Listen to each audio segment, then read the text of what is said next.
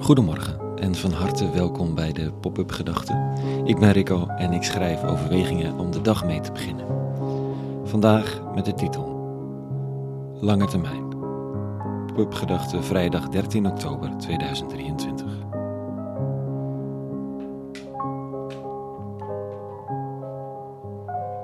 We zijn met zes of zeven mensen in de videocall.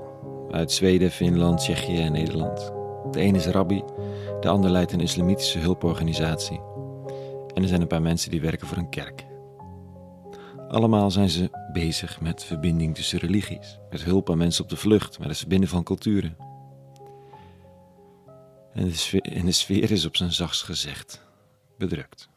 De oorlog tussen Israël en Hamas, het extreme geweld, heeft enorme weerslag op het werk van deze mensen.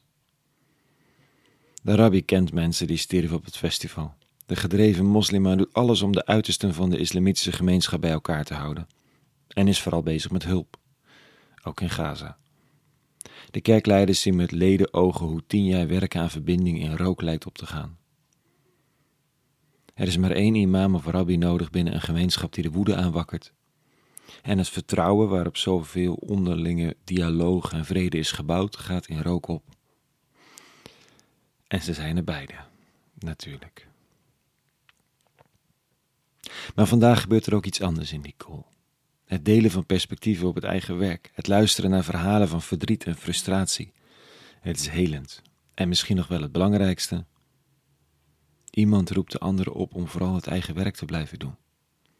En dat met liefde en toewijding, alsof de wereld niet in brand staat.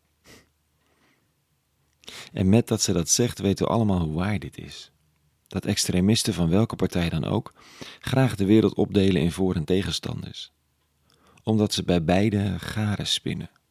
Voorstanders staan naast hen, tegenstanders kun je bestrijden, dan draait de wereld om hun strijd.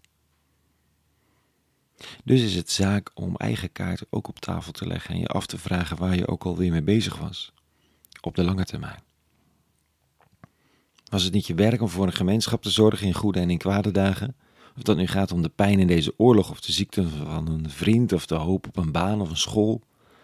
Die laatste niet minder belangrijk maken dan de eerste. Wat was je werk voordat de oorlog en de meningenstrijd je alle zicht op de wereld ontnam? Vind het terug, ga doen, met liefde en toewijding. Want dat is net zo goed bestrijding van extremisme. Vandaag lees ik dit, een fragment uit de negende psalm. De volken verdwijnen in de kuil die zij groeven. Hun voet raakt verstrikt in het net dat zij heimelijk spanden. Zo vergaat het hun. Maar de Heer zetelt voor eeuwig. Zijn rechterstoel staat onwrikbaar vast. Hij bestuurt de wereld naar recht en wet. Hm. Dat is de hoop van de dichter. Te beginnen bij die eerste zinnen.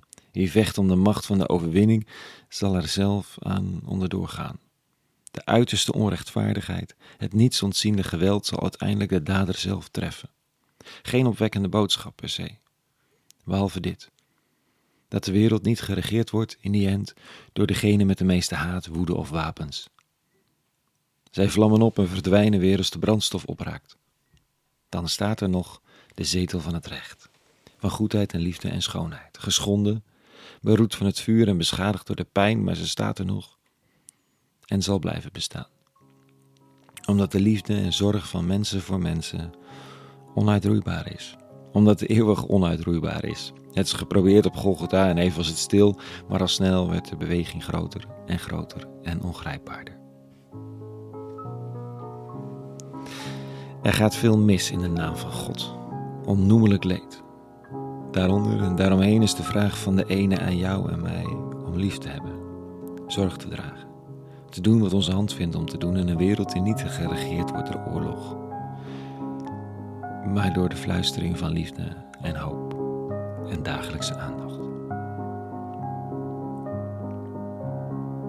Een hele goede vrijdag gewenst. Meer pop-up gedachten te vinden op www.popupgedachten.nl. Een heel goed weekend. En ondanks alles vrede gewenst.